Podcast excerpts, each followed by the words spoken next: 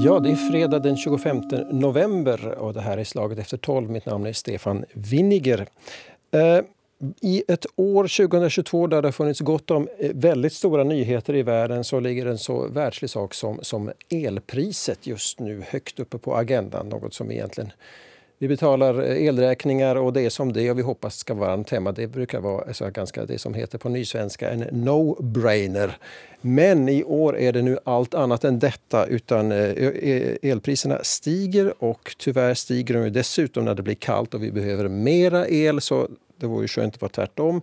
Men nu är det som det är. Och det här, vad kan vi som konsumenter göra när, när vi ser att priserna går upp och samtidigt noterar att vissa elbolag har då valt att inte höja lika mycket som andra, då känner vi oss lite orättvist behandlade. Det här ska vi diskutera tillsammans med Måns Holmberg som är VD för Borgå Energi. Välkommen! Tack så mycket. Vi har också Johan Börling Pomell som är generalsekreterare för Konsumentförbundet. Välkommen till Slaget efter tolv. Tusen tack. Sist men icke minst Torsten Fagerholm, ledarskribent på Huvudstadsbladet. Välkommen du också. Tack, tack. Det här, det här. Eh, får jag börja med dig Måns Holmberg. Du alltså företräder Borgå Energi och eh, ni är ett av de elbolagen som vi diskuterade här inför just lite grann som inte höjt fullt lika mycket som alla andra. Det är fel att tala om billigt just nu eller lågt pris utan ni har inte höjt fullt ut. Hur tänkte ni då? Eh, vi är ju i den lyckliga situationen att vi har dels så har vi en del egen produktion och andels, eller produktionsandelar då, som står för ungefär 30 procent av vår försäljning. Och, och sen resterande 70 procent köper vi från marknaden. Och, och dels har vi då rimligt billig det här egenproduktion och produktionsandelar så har vi lyckats bra också med, med våra prissäkringar. Så det ger ju, ger oss möjligheten då till att göra det vi har gjort, det vill säga försöka hålla priset ändå jämfört med marknaden och jämfört med många konkurrenter på en, på en rimlig nivå naturligtvis betydligt dyrare än det var för ett år sedan. Det, det, det, det, det är jag väl medveten om. Men det här, vi klarar ändå av att dämpa den här effekten för våra kunder. Då. Mm, mm. Johan Börling, Pomel, då, ur konsumentsynpunkt det här, är vi, är det här, befinner vi oss i en rimlig situation som el, elkunder just nu? Nej, absolut inte. Jag tycker att läget är jättesvårt för många konsumenter. Men det beror på konsumenten hurdant avtal du har. Om mm. du har ett gammalt tidsbundet avtal med jättelågt pris. Sen är det jättebra för dig förstås. Men att sen är det många, varje dag får vi eh, flera och flera sådana konsumenter vars äh, elpris stiger, stiger och blir bara högre och högre. Och nu har vi flera myndighetsprocesser på gång mm. som försöker ta reda på det här. Är det, är det helt lagligt överhuvudtaget att Eh, höja priser på det här sättet. Mm. Och det, det, är något vi väntar utslag och i bästa fall ja. kommer då någon att tala om för elbolagen att sänka eller? Mm. Alltså nu har vi för det första så är det Elverket mm. som försöker definiera vad eh, rimligt eh, eller skäligt eh, elpris betyder. Och sen har vi Konkurrens och konsumentverket som försöker ta reda på om sådana här äh, prisförhöjningar äh, är äh, lagliga, om de är för höga. Mm. Och sen är det också, också Konsumenttvistnämnden som försöker ta reda på oss, den här samma, sa, samma grej som alla då förhoppningsvis jobbar åt oss konsumenter. Ja. Vi ska återkomma lite senare till hur det, hur det där var vi, om det finns överhuvudtaget något vi kan göra som, mm. som eh, konsumenter här. Torsten Fagerholm, du skrev igår en får jag väl säga, frän eh, ledarartikel i Huvudstadsbladet om, om eh, Helsingfors stads energiverk, Helen, som ska jag påpeka här, av tidtabellsskäl inte har möjlighet att delta här i diskussionen idag. De har varit hjärtligt inbjudna, men de kan inte vara med. Eh, du sablar ner, får jag väl säga, här på argumentationen varför de måste hålla de här höga priserna. Berätta. Precis, ja. Det är ju så att eh, uh, bolaget har försvarat sig ganska så här med teflonstrategi och sagt att det är Putins fel det är Putinpriser, det är kriget. Men eh, det är ju inte alls så här enkelt, utan man har ju också en egen makt att definiera vilka priser man sätter i förhållande till slutkund. Speciellt om man råkar vara Helsingfors Energi som har ganska så stora egna produktionsandelar i kärnkraft, bland annat vattenkraft och också vindkraft. Så de får billig el som de kan sälja till börsen till ett dyrt pris, sen köpa tillbaka och sälja till slutkunder då till ett eh, ännu mer hutlöst pris. Och vinsterna ramlar ner i skallen på dem och då är det ju en mer moralisk, etisk, politisk fråga då, att hur, vad, vad sätter man den här nivån? Och det här kanske inte, åtminstone Helen, Helsingfors Energi, lyckats kommunicera det här tycker jag på ett begripligt sätt till invånarna eller till sina kunder. Mm, mm. Jag träffade för en vecka sedan en kollega som just var i den situation som herr Juha Börling eh, påpekade. Hon, hon sa att ja, men jag har ett kontrakt, jag betalar 4 cent per kilowattimme. Mm. Och eh, för många bolag just nu är det då 40 cent mm. per kilowattimme som gäller. Så ett tiofaldigt högre energipris, det vill säga alltså en, om du har 1000 eh, euro mm. i, i förbrukning här i december för din uppvärmning radhus eller något sånt där så är det, om jag, min huvudräkning hänger med, 400 euro med 40 och det är 40 euro med 4 cent.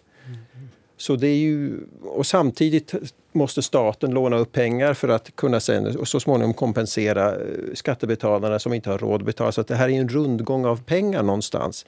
Eh, får jag eh, testa den här tanken med dig, Måns Holmberg från Borgå Energi. Det här att, att man så att säga, att skyller på kriget. Det har ni, ni behöver då tydligen inte skylla på kriget. Jag skulle Eller inte lika mycket eftersom ni inte skulle, behöver höja priserna man, lika mycket. Jag skulle inte säga att man skyller på kriget. Jag skulle säga att det, det är frågan om... Vi har en väldigt exceptionell eh, situation på marknaden. Priserna har gått rejält upp. Och, och marknadspriset för, för ett drygt år sedan kanske låg på 4 mm. cent. Så ligger marknadspriset idag över 40 cent. Så att det här återspeglar ju direkt var marknadspriset ligger. Så det här är ju frågan om då vilka elbolag, hur man väljer att hantera det och vilka möjligheter man har att hantera det. Vi har ju också sett här inom det senaste ett och ett halvt år så har vi sett ett antal el, elförsäljare gå i konkurs. Eh, på grund av att man inte har möjlighet. Jag menar vissa bolag kanske inte har en, e- någon egen produktion mm. överhuvudtaget och, och därmed inte har en möjlighet att sälja billigare. Eh, vi har ju också sett på marknaden den trenden som egentligen började se, sent på hösten förra året. Att på grund av de stigande priserna, på grund av de enorma riskerna som vi upplever nu på marknaden, så fler och fler bolag börjar begränsa sin försäljning till att bara sälja till sitt eget nätområde. Och det är som ni gör? Det, det gör också. vi också. Ja. Eh, jag menar, skulle vi sälja till hela Finland med alla våra produkter skulle vi få in flera kunder än vi klarar av att hantera och, och vi skulle absolut inte klara av det ekonomiskt heller att hantera det. Så bara för att begränsa riskerna, för att säkerställa att bolaget hålls flytande och inte går under, så mm. måste vi begränsa riskerna. Och, och, vi har ju den goda förmånen då att vi har en del egen produktion och produktionsandelar och har lyckats väl i vår prissäkring. Så vi har möjlighet att sälja, sälja till det priset vi säljer i dagsläget. Men, men hade vi inte haft det så hade vi inte haft alternativ. Eh, sen kan man alltid göra egna prioriteringar om man har produktionsandelar och produktion som man förtjänar väl på kan man ju välja då att, att ta en mindre vinst från produktionen och, och då sälja billigare till kunderna. Men situationen är ju väldigt, väldigt svår för alla på, i branschen. Så, så man får nog noga se över att dels man har hantering på riskerna och dels man har hantering också på sitt kassaflöde för att det är enorma mängder pengar som, som vi betalar ut till börsen och får tillbaka via prissäkringar och, och vi måste säkerställa att vi varje dag har pengar på konto. Mm. Men så som vi sett och märkt på sistone är att många elbolag hänvisar till el, elbörsen och marknad, marknadspriset.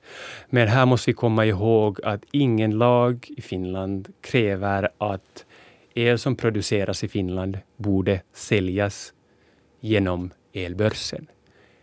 Mm -hmm. El kan säljas direkt till konsumenterna eh, och prissättas fritt. Och det har många gjort också. Till exempel i Karleby har de fattat ett sådant beslut av Karleby Energi. De har ett pristak på 16 cent per kilowattimme till sina egna kunder. Som är ju, det är väldigt lågt mm, idag precis. alltså? Just ja, idag. Ja. Mm. Och det kan man göra. Det är tekniskt möjligt, det är lagligt. Och nu, jag tror att det här politiska trycket kommer att under den här vintern kommer, kommer att växa så mycket att mer och mer äh, bolag kommer att fatta liknande beslut. Till exempel Helen i Helsingfors. Här skulle jag kanske, om, om, om du tillåter Stefan, skulle jag kanske kunna invända lite att, att eh, även om vi då ser på vår, egen, vår egen självkostnadspris, vårt eget självkostnadspris och hur vi säljer till kunderna, så vi säljer ju inte det vi producerar till kunderna på så sätt. Att om, ta till exempel en vindkraftspark som vi har byggt då, eller är med delägare i flera vindkraftsparker i Finland. Vi börjar ju betala för byggandet av vindkraftsparken flera år innan den är uppe och producerar sina första kilowattimmar. Inte debiterar vi våra kunder tre år innan de börjar få sin el. Likväl när den en gång är uppe, uppe det här och, och, i användning så står den där i 35 år och vi har förbundit oss till den investeringen. Vi har inga 35-årskontrakt med våra kunder. Så att vi kan ju ha en referens så vi kan jämföra med det här, men, men det vi säljer till kunden är något helt annat än det vi betalar när vi bygger, investerar och, och säljer vidare till kunden. Så det här måste man ju alltid beakta, att det, det är väldigt stor skillnad på det, du, det kraftverket du bygger och det du säljer till kunden. Och när priserna då tidvis för några år sedan var väldigt låga, så fanns det ju ingen chans att sälja till, till självkostnadspris. Utan då var ju marknadspriset under många självkostnadspriser och man var tvingad till att sälja billigare än det. Inte, in, köper kunderna då väldigt gärna till självkostnadspris när marknaden svänger i andra riktningen. Så det här är ju en balansgång vi hela tiden måste, måste göra inom elbolagen. Ja, alltså man måste ju ändå ge energimarknadsaktörerna det erkännandet att det är en väldigt kapitalintensiv bransch. De har då tidshorisonter på 10, 20, kanske 30 år, binder upp stora summor pengar och det är en viss avkastning man måste ha för att det ska gå runt. Och vi har haft väldigt billig el i herrans många år i Finland. Vi har liksom levt med en lyx, vi har tagit det totalt för givet. Och nu har vi då plötsligt vaknat upp för att oj, elen kostar någonting. Oj, den kostar himla mycket. Vad ska jag göra? Hur ska jag få råd med kaffe idag? Eh, men eh, samtidigt så är också den här konkurrensen satt ur spel för att kunderna kan inte i dagsläget riktigt gå och shoppa runt och säga att jag byter elbolag om ni har för dyrt pris. Det finns inte riktigt några alternativ. Alla är ungefär lika dyra. Och då är du egentligen fast i en rävsax där som kund och då är ditt enda så att säga, kort att spela det är att du ställer dig på barrikaderna och kräver mm om du har ett kommunalt ägt bolag som då ligger under din politiska kontroll som medborgare och röstare och väljare. Och det är egentligen det här som jag försökte få fram i den här ledaren då, att Helsingforsborna och Helens kunder egentligen har sovit inte en rosasömn och det är dags att vakna upp. Mm. Och, och den politiska ledningen som ju borde vara lyhörd egentligen. Det är det som jag menar, jag förstår ett, ett, ett bolag som är kommersiellt, som har fungerar på en marknad helt enkelt, har ägare och så vidare, som alla andra aktiebolag. Det, det är en sak, men de här kommunala offentliga bolagen med styrelser späckade med kända politiker på något sätt som, som, som snart vill ha vårt förtroende i nästa riksdagsval också. Borde de inte få lite kalla fötter vid det här laget, tycker du? Mm. Alltså, Absolut. Mm, alltså de här ägarna till de här elbolagen, mm. så som du sa, till exempel kommuner, så de kan till exempel fatta ett sådant beslut att de inte vill göra lika mycket vinst så som de har kanske gjort för ett år sedan eller för en månad sedan. De kan förstås, ingen vill att de skulle gå i konkurs, alltså de här bolagen, förstås inte. Det vill ingen. Nej. Men att kanske under den här vintern, man gör lite mindre vin, vinst till exempel. Man säljer el till ett, äh, till ett skäligare pris för en gångs skull. Och äh, det är förstås, men att sen om en konsument tycker att en prisförhöjning va, har varit uh, oskälig. Så sen kan man alltid vända sig till konsumenttvistnämnden. Och, och, men det som, är jätte, det som gör mig jätteledsen är att köerna till konsumenttvistnämnden just nu är jätte, jättelånga och det kommer inga snabba beslut därifrån heller. Just det, så man blir inte glad när man skickar in sin elräkning och får svar 2025. Det blir, nej, jag förstår. Det är besvärligt. Men det här att det visar ju hela den här diskussionen också att vi är fullständigt, och det, vi tar ju den här för given. Det vi, kan, vi har nämligen en annan valfrihet som vi inte i praktiken har. Det är ju det att avstå från att förbruka el. Det, det är ju väldigt få av oss som, som kan säga men, men hörru du, nu, nu struntar jag i det här. Nu, nu lever jag utan el. Det, det, det fungerar inte i verkligheten. Så där, så att är det här, den här samhällsnyttan av elektriciteten, är den, borde inte den kräva åtgärder som gör att vi, att vi som samhälle ser det, ja, vi vill ha en energiindustri, vi vill ha en grön omställning, allting, men vi vill inte så här betala för någon spekulation, för det tror jag många har en känsla av att man, vi deltar i någon spekulation på en internationell elbörs där alla krigar mot alla. Eller? Är det, är det, så känner många just nu? Det, det, är säkert sant att många känner, känner så. Men, men stämmer det? det, ser, ser man, har vi missförstått det? Ser man, på, ser man på elbörsen de facto så, så har det funnits betydligt mer spekulativa pengar tidigare än det finns just nu. Mm. Det, volatiliteten är så stor så nästan alla spekulanter har dragit sig bort från marknaden. Och det är snarare ett problem än en fördel. För att spe, spekulanterna på marknaden bidrar med att du alltid har någon som är villig att köpa och någon som är villig mm. att sälja. Nu har vi ju haft dessutom, det, det som har diskuterats mycket här under början av hösten då, speciellt var ju de här olika garanti eh, det här kraven då på, på, eh, på, det här, på elmarknaden. Som, som i och med att priserna steg och steg och steg så blev garantikraven för vissa skjutlöst stora. Då. som baserar sig på, på, på det där. Eh, det, det finns en god orsak till det, baserar sig på EMIR-direktivet, ett EU-direktiv för att säkerställa då att du har en trovärdig börs som kan leva upp till sina Eh, förpliktelser och alla motparter kan leva upp till sina förpliktelser. Men de blev så pass stora så att du kunde ha producenter som har produktion som de vill sälja men som de inte kunde sälja. För säljer det till börsen så går garantikravet upp igen med några hundra miljoner. Pengar som du inte har tillgång till. Så, så det, har ju, det ledde ju här, speciellt då i slutet av augusti, så såg man ju en väldigt radikal det här, eh, prispik på marknaden. Som säkert till en stor del berodde just på det här att, att de som hade något att sälja inte kunde sälja på grund av garantikraven. Och då blev det liksom mm. en, en ond cirkel som blev värre och värre och värre. Eh, men spekulativa pengar finns det ganska lite på marknaden. Och, och det är snarare frågan om att vi har en, en, mark, en marknadssituation. Jag tror att du var inne på det här när du sa att alla, vi kan ju inte låta bli att konsumera mm. el. Jag menar, skulle potatispriset gå upp så äter vi ris eller pasta istället. Och, och vice versa. Med el har vi mycket svårare att byta till något annat. Och, och det gör ju att när alla vill köpa oberoende av priset och du, inte har, och du har aktörer som inte kan sälja eller du har brist på el, till exempel då när vi på grund av kriget i Ukraina eller på grund av eh, torra magasin i, i det här i Norden, så blir det en väldigt det här svår dynamik på marknaden. Mm. Ni lyssnar på Slaget efter tolv där vi idag talar då än en gång om, om elpriserna som, som ju får oss att fundera ganska mycket här som kollektiv i Finland. Eh, det ni hörde nyss är Måns Holmberg som är VD för Borgå Energi med också Johan Börling Pomell från Konsumentförbundet och Torsten Fagerholm som är ledarskribent på, på Hufvudstadsbladet. Får jag Eh, eh, sätta ihop en fråga egentligen som jag hörde det som Johan Börling Pomell från, från, från konsumenthåll sa förut här som jag skulle gärna skulle vilja ha din synpunkt på här, här Måns Holmberg. Alltså att elbolagen ju inte alls är tvungna att sälja via börsen, elbörsen. E, varför, om, om, om, om, om eh, de inte är tvungna att sälja via börsen och det leder till lägre priser för konsumenterna, varför gör inte alla det då? Man är det, kan, det, stämmer att man är ju inte tvungen att sälja till, till elbörsen.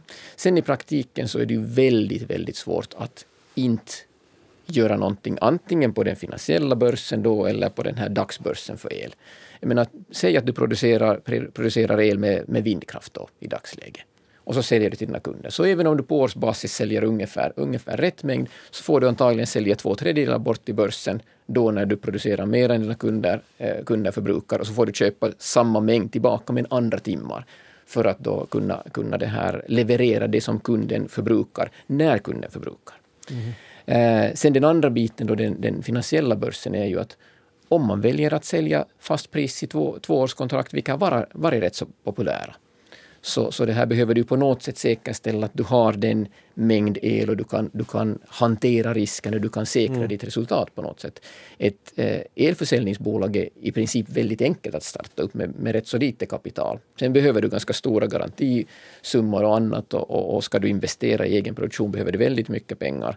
Och du måste hantera riskerna, för om du inte hanterar riskerna så, så får du så enorma svängningar i ditt resultat att det, eh, det är omöjligt att få lån för det. Så man blir nästan tvingad i, om man agerar på marknaden att, att, det här, att agera både då på dagsbörsen och på den eh, finansiella börsen. Antingen via börsen eller så gör du med bilaterala avtal med någon annan marknadspart. Mm. Torsten Hagerholm? Ja, alltså, själv är jag skribent för en obundet liberalt borgerlig tidning och tror på marknaden och dess välsignelse i de flesta fall. Men den här elmarknaden är ju kanske inte riktigt designad för ett sådant här upplägg som vi har idag, som är egentligen en perfekt storm av olika faktorer och omständigheter som samverkar till helt ja, exceptionella priser. Och då tror jag att man borde lite sätta på sig propellerhatten också och tänka utanför den här så att säga buren, mm. juridiska finansiella buren och också tänka liksom då etiskt hållbarhetsmässigt jag tänker att, och vilken image man projicerar gentemot kunden. För att jag tror att den kund som nu blir välbehandlad av sitt elbolag, att den upplever att bolaget kommer emot och liksom är skäligt. Så det kommer också att förbli en trogen kund. Men om du blir då påtrampad och bara får sådana här kalla förklaringar som att oj vad synd, vi beklagar, för att du måste betala då skjortan för elen, så då kommer du kanske också att byta leverantör den dag då du har mm. den möjligheten, kanske inte idag men om ett år eller två år. Att det är kanske det här image, eh, så att säga PR-bygge som jag tror att Helen, mm. Eh, då Helsingfors energibolag, har missat ganska kapitalt. som inte har, ska jag upprepa här, och inte har möjlighet att delta här just idag bara för, mm. för ordningens skull. Men jag menar, jag, nu, om jag tar en liknelse, jag förstår att den inte riktigt stämmer och lite halsbrytande, men säg så här att inkomstskatten skulle sättas utifrån statens aktuella behov på något sätt. Och skulle kanske Måns ha ett avtal för fyra år sedan och ha jättelåg rent hypotetiskt inkomstskatt, du skulle bara ha några få procent och sen min skatt skulle sättas om nu och nu har staten just lånat massor med pengar och jag skulle ha liksom 45 procent skatt. Det skulle ju leda till enorma sociala spänningar att vi, att vi behandlas så olika på något sätt. Och i och med att vi ju inte slipper ifrån de här elkostnaderna eh, på samma sätt och vi kan alltså ha tiofaldigt olika, jag och grannen. Och vi, samma gata, samma, eller samma radhusområde till och med. Och att, ja, min, min uppvärmningskostnad är tiofaldig eller en tiondel respektive om jag har tur. Eh, är inte det här eh, alltså som eh, ur någon slags rättvis aspekt känns det här lite mm. problematiskt. Ja. Men nu måste vi erkänna det att vi redan nu lever i, i, den, i den situationen som du beskrev just nu. Alltså det finns längs samma gata. Det finns sådana som, har, som köper sin el till ett jätte, jättelågt pris. Mm. För de har ett gammalt avtal, mm. ett tidsbundet avtal. Sen är det de som har, som har jättehöga pris. Och vi, vi lever i den här situationen nu och därför vi har sagt, alltså på Konsumentförbundet, att elmarknaden har gått sönder ur konsumentsynvinkel. Mm. Åtminstone just gällande de här skyhöga priserna. Och eh, därför det måste göras någonting för att fixa hela systemet. Det kommer att ta jätte, jättelänge. Men det som kan göras just nu, alltså idag till mm. exempel, mm. det är de här enstaka elbolagen som kan, om de vill, fatta beslut om att till exempel sänka sina priser eller att inte höja sina priser lika mycket som de har tänkt. Mm. Så, och någon klok man sa det en gång i tiden att politik är att vilja. Så. Det är också mycket politik bakom elmarknaden. Det är inte bara någon teknisk grej. Och det har vi sett i vissa kommuner, så som jag hänvisar till Karleby ja. till exempel. Och nu, nu, ska, nu, ska, nu får vi se vad andra kommuner, vad andra elbolagen kommer att göra. Ja, och det, det, det är ju det där vi kommer in och vi förstår att det går om man vill. Det, det, det är det, det som stör sett. oss. Det har vi sett. Och, det där, och, och nu måste jag vända mig igen till Torsten Fagerholm här. Alltså, som sagt, det är, jag har inte exakta dagarna till nästa val men det sitter ju alltså en del politiker i till exempel då i, i Helens här i Helsingfors styrelse som, som vill ha fortsatt förtroende så småningom.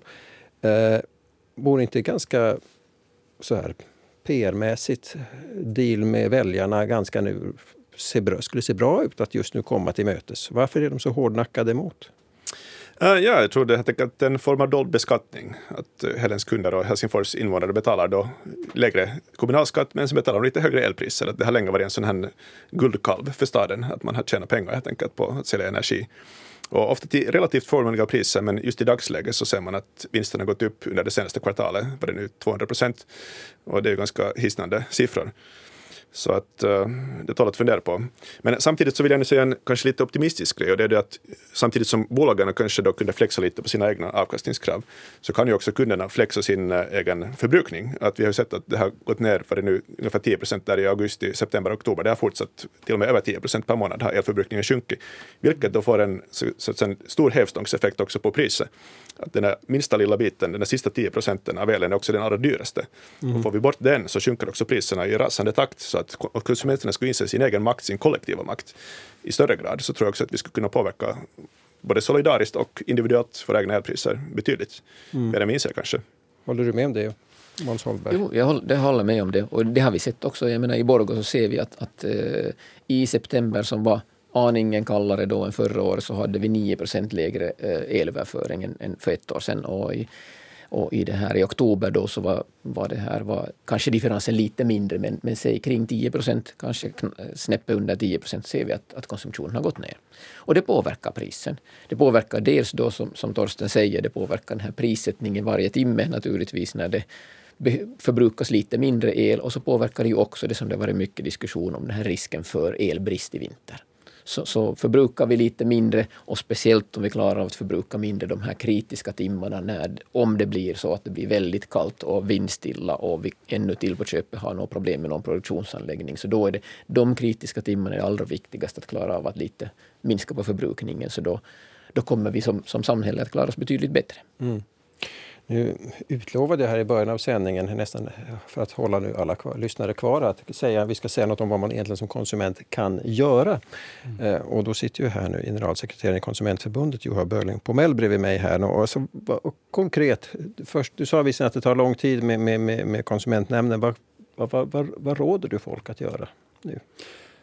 No, för det första så, okej, okay, vi har talat lite om att konkurrensutsätta sitt avtal. Det kan man fortfarande göra. Men det, är svårt. Det, det, det är svårt. Det är inte lika lönsamt som det har varit en gång i tiden. Men i alla fall, man kan försöka. Som sagt, vi kan också spara el. Det har vi talat om här just nu. Och sen om man tycker att de här prisförhöjningarna är oskäliga så kan man klaga till Konsumenttvistnämnden. Mm. Och det är i princip sådana här saker konsumenten kan göra. Men sen om läget är sånt att eh, du har en stor, för stor räkning på ditt köksbord och du inte kan betala, då ska du genast kontakta den, eh, den firman som skickade mm. räkningen till dig och försöka få lite mer tid att betala den här räkningen. Ja, jag hoppas på att elbolagen just nu i det här läget är jätteflexibla mm. och försöker göra vad som helst för att hjälpa kunden, konsumenten, att betala sen senare. Mm. Och sen om äh, läget är jätteallvarligt och, och jätteakut, man inte har råd med mat, el, läkemedel, så då ska man genast omedelbart kontakta socialen Mm-hmm. socialjouren till, till exempel och prata om saken och inte ta snabblån till exempel. Det är det sista man ska göra. Mm. Du sa det här, goda råd där från Konsumentförbundet. Men du sa tidigare också att enligt lagen så ska eh, elmarknaden i Finland fungera så att konsumenterna har, ska kunna vara säkra att få el till ett skäligt pris. Precis. Vad är då ett skäligt pris? Vet vi det? Alltså, det är precis, alltså jag sa lite tidigare att nu är elverket håller på att definiera vad det betyder. Mm. Och vi kommer att få den här definitionen inom några månader, har de sagt. Och vi har varit jätte skulle jag säga, till och med arga på det här för att vi tycker att de borde ha utfört sitt arbete länge sedan. Mm. Vi har, eh, vi har sett att, eh, att priserna har gått uppåt redan länge. Och nu i det här läget så borde de jobba mycket snabbare för att den här definitionen kan möjligtvis vara jätteviktig för konsumenterna i det här läget. Är det där hotande för energiföretagen, Måns Holmberg, att det kommer plötsligt säger någon att hörni du, hörni hur, över, över 18 cent, allt annat är ocker? Det är naturligtvis, jag menar, energibranschen är som bransch väldigt politisk. Det innebär att alla frågor, politiska frågor och politiska beslut och, och, och hela den här risken kring förändrad reglering är en, en, stor risk för hela energibranschen. Och det har det alltid varit. Det, det kommer man inte ifrån, så det, det, är inget nytt där. Sen vad gäller det här med, med rimlig prissättning så, så har vi då i lagen så har vi ett krav på att den leveranspliktiga produkten ska vara rimligt prissatt. Där, där finns det nämnt att den ska vara rimligt prissatt. Eh, och det är fler och fler energibolag och Borgå Energi bland dem som har valt då att ha som, som leveranspliktig produkt börsel. Och, och där ser jag ju att på samma sätt som Euribor-räntan ses som skälig för mm. vilken typ av lån som helst. helst. Eh, marknadspriset på olja ses som skälig när du går och tankar bilen vid, vid den här bensinstationen, så ser jag det som väldigt svårt att man skulle säga att börspriset på el inte skulle vara skäligt. Eftersom det är det, det priset som, som mark eh, eller ta till exempel, jag menar ingen som går till sin, till sin aktiemäklare och kräver att få köpa Nokia-aktier för, för billigare pris än vad den är noterat på börsen just nu. Så om vi har en marknad där var, där var det görs transparenta affärer mellan en stor del av köparna och säljarna, att säga att den marknaden inte inte skälig mm. är en, ett väldigt stort ingripande. Så jag, Naturligtvis kan man vara orolig för det men jag, jag ser det nog som väldigt osannolikt att någon skulle underkänna börsen som, som det här eh, skälig prissättning. Jag, jag måste nog säga att uh, man kunde inte jämföra uh, el, elbörsens pris till uh, Euribor-räntorna. Mm. För att uh, det här är, till, till exempel börsel, det varierar varje timme, det här priset. Och om man talar om Euribor-räntorna så det är vanligtvis en gång om året så det där är prisförändringen eh, sker. Så där konsumenter vet på förhand ganska noggrant vad det kommer att vara. Så, men att el, el, elbörsen, elbörsen kan ge dig hurdana pris som helst. Så därför skulle jag inte personligen jämföra dem, men jag förstår nu den här logik, logiken bakom den här tanken. Men att nu får vi se vad det här e-, elverket kommer att göra ska, ska de fatta ett sådant beslut att till exempel el, det där börselen får inte vara den här leverans, eh, leveransprodukten eh, så att säga. Torsten Fagerholm, det här, är, det, är det för politiskt känsligt att, att säga vad, vad, vad som är ett rimligt elpris idag?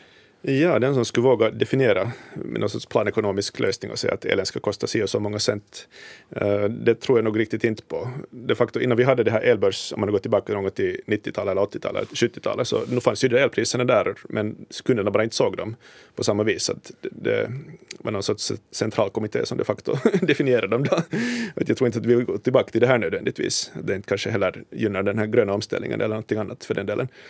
Men jag tänker ändå att påminna om vad man kan göra som kund faktiskt. Att istället för att sitta och vänta på att Energimyndigheterna ska tröska igenom alla de här besvären och komma fram till någon sorts lösning, om de nu sen gör det, så är det att vi kan sänka inomhustemperaturen någon grad. Det kan spara 5-10 procent. Vi kan ta kortare duschar. Till och med, jag har en kompis som tar iskalla duschar. Det låter lite extremt, Oj, men ja. det finns sådana som sportar med det. Släcka lamporna, byta till LED-belysning, eh, diska i full maskin undvik torktumlare, vädra smart under korta tider, skippa standby-läge. Alla möjliga sådana små knep. Och många böcker små blir nog ganska stora å i slutändan där faktiskt. Det är det som vi kan göra här och nu som kunder om vi är hemskt missnöjda med vårt eh, elavtal. Mm.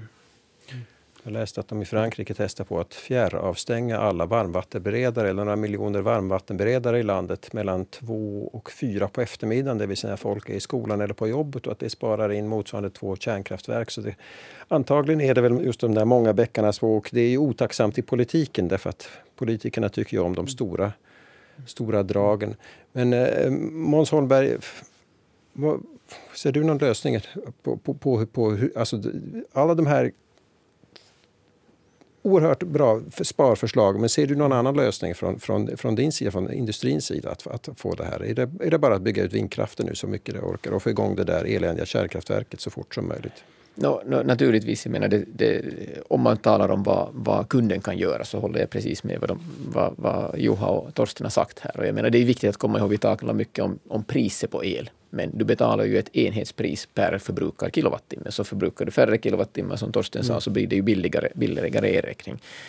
Eh, sen eh, naturligtvis så länge vi har en sån här extrem situation som vi har på marknaden just nu där vi har brist på, på bränslen, vi har konsumtion som överstiger den egna produktionen, vi har inte import av el eller bränslen från, från mm. Ryssland, så, så har vi en, en det här eh, ansträngd situation.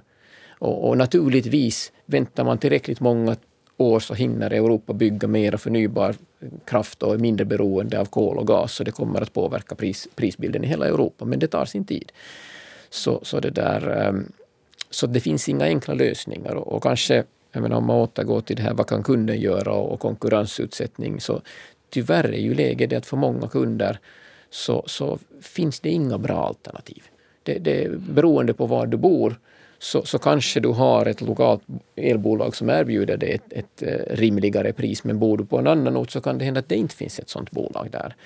Och, och som Juha var inne på här tidigare att det, det, finns det här ganska begränsat med alternativ. Jag, jag, nämnde det här tidigare att för ett drygt år sedan så var det många elbolag som började begränsa försäljningen utanför det egna området för att begränsa riskerna.